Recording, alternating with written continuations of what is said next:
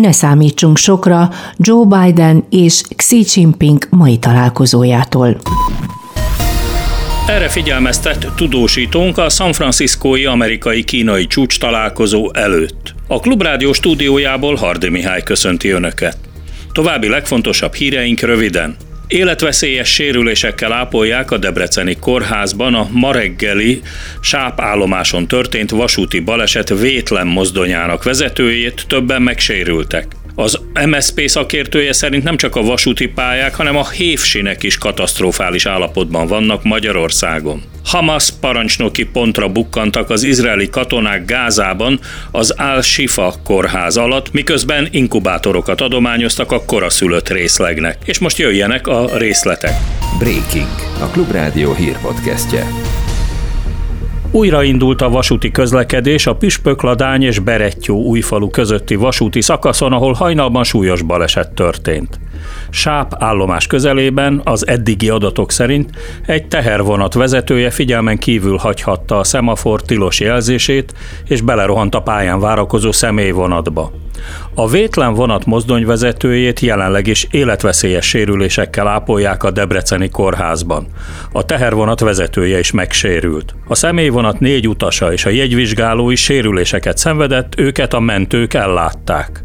A MÁV közlése szerint az érintett pályaszakaszon, amit tavaly újítottak fel, minden jel szerint hibátlanul működött a jelzőberendezés. Magyarországon nem csak a MÁV vonalai, hanem a helyi érdekű vasút, a hévpályák is veszélyes állapotban vannak.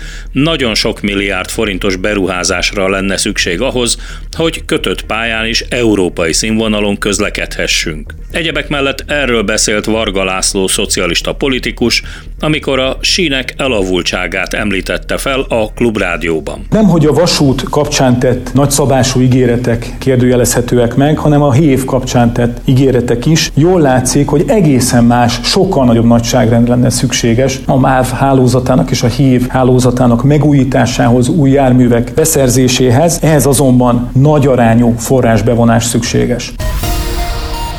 Hogy lesz-e miből felújítani a magyar vasúti pályákat, az nagymértékben függ attól is, hogy vajon megérkeznek-e az Európai Unió fejlesztési pénzei, amiket egyebek mellett a jogállamisági eljárásban fagyasztottak be. Ezekről is szó volt ma Brüsszelben a külügyminiszterek mai találkozóján. Korábban a magyar ügyek nyomon követésével megbízott jelentéstevők azt kifogásolták, hogy az Európai Unió soros spanyol elnöksége nem foglalkozik érdemben a magyar jogállamisági kérdésekkel. Az azonban mindenképpen biztosra vehető, hogy a jövő évtől az Európai Bizottság visszatér a költségvetési fegyelem politikájához, amit a Covid-válság idején felfüggesztettek. Ebből a szempontból újabb kritikákkal nézhet szembe a magyar kormány, ha nem próbálja az elvárt mederbe terelni a költségvetést és szigorú monetáris politikát folytatni. Erről is beszélt a Klubrádióban Bot Péter Ákos egyetemi tanára, Magyar Nemzeti Bank volt elnöke. Most például van egy, aki élénkíteni akar megint, hogy rá kell fűteni a gazdaságra, hát a pénzügyminiszter pedig arról beszél, hogy a költségvetést azt egyensúlyba kellene lassan hozni. Egyébként valószínű, hogy a következő évben az Európai Uniós intézmények komolyan veszik a 3%-os deficit korlátot, és abban most Magyarország mindenképpen beleütközne, ha csak valami megszorítás nem jön. Most ugye a megszorítást nyelvileg betiltották, de a gyakorlatban nem, tehát ebből azért még újabb adóemelések, meg kiadás visszafogások következnének. Ennél is optimistában látja a helyzetet Szabó Dániel, a portfólió elemzője. A Klubrádiónak nyilatkozva arról beszélt, hogy szerinte akár az év vége előtt dönthet a pénzek egy részének felszabadításáról az Európai Bizottság, míg más pénzekre tovább kell majd várni. Abban, hogy ez mikorra szabadíthatja fel a magyar forrásokat, még nem látunk teljesen tisztán. Az elmúlt időszakban olyan hírek jöttek, hogy egy másik jogállamisági eljárással, amelyik az igazságügyi reformmal függ össze, tehát az azáltal blokk blokkolt 13 milliárd eurónyi kohéziós forrás az felszabadulhat még az idén. Évvég előtt a bizottság is akár a tanács jóváhagyásával a helyreállítási alapot, valamint a kondicionalitási eljárásban blokkolt kohéziós forrásoknál ugyan jöttek pozitív hírek, de még nem látszik az, hogy a közeljövőben kiszabadulhatnának. Viszont ebben egy relatív fontos mérföldkő az, hogy már előrelépéseket tud felmutatni a kormány. Közben ismét komoly európai viták várhatók az újabb sorrendben 12. oroszországi szankciós csomag elfogadása körül. A dokumentumot hosszas egyeztetés után ma tették le a tagállamok asztalára, ahogy arról Josep Borrell, az Európai Unió külügyekért felelős biztosa is beszámolt. Az első jelentések szerint a szankciós csomagban a Magyarországot esetleg érintő nukleáris importtilalomról nem lesz szó, annál inkább az orosz gyémánt exportról, amit mind ipari, mind ékszerészeti céllal bányásznak és csiszolnak. Oroszország számos közbülső állomás beiktatásával a világ gyémánt forgalma 90%-ának a forrása. Külföldi vágás és csiszolás után az orosz gyémántok a belgiumi Antwerpen gyémánt tőzsdéjén kötnek ki. Most ennek a csatornának a lezárását javasolja az Európai Bizottság, ami évi akár 4 milliárd dolláros bevételtől ütné el Oroszországot. Gázában méterről méterre halad előre az izraeli hadsereg az Al-Shifa nevű kórház körül, amelynek épületébe és alaksorába befészkelték magukat a Hamas terroristái.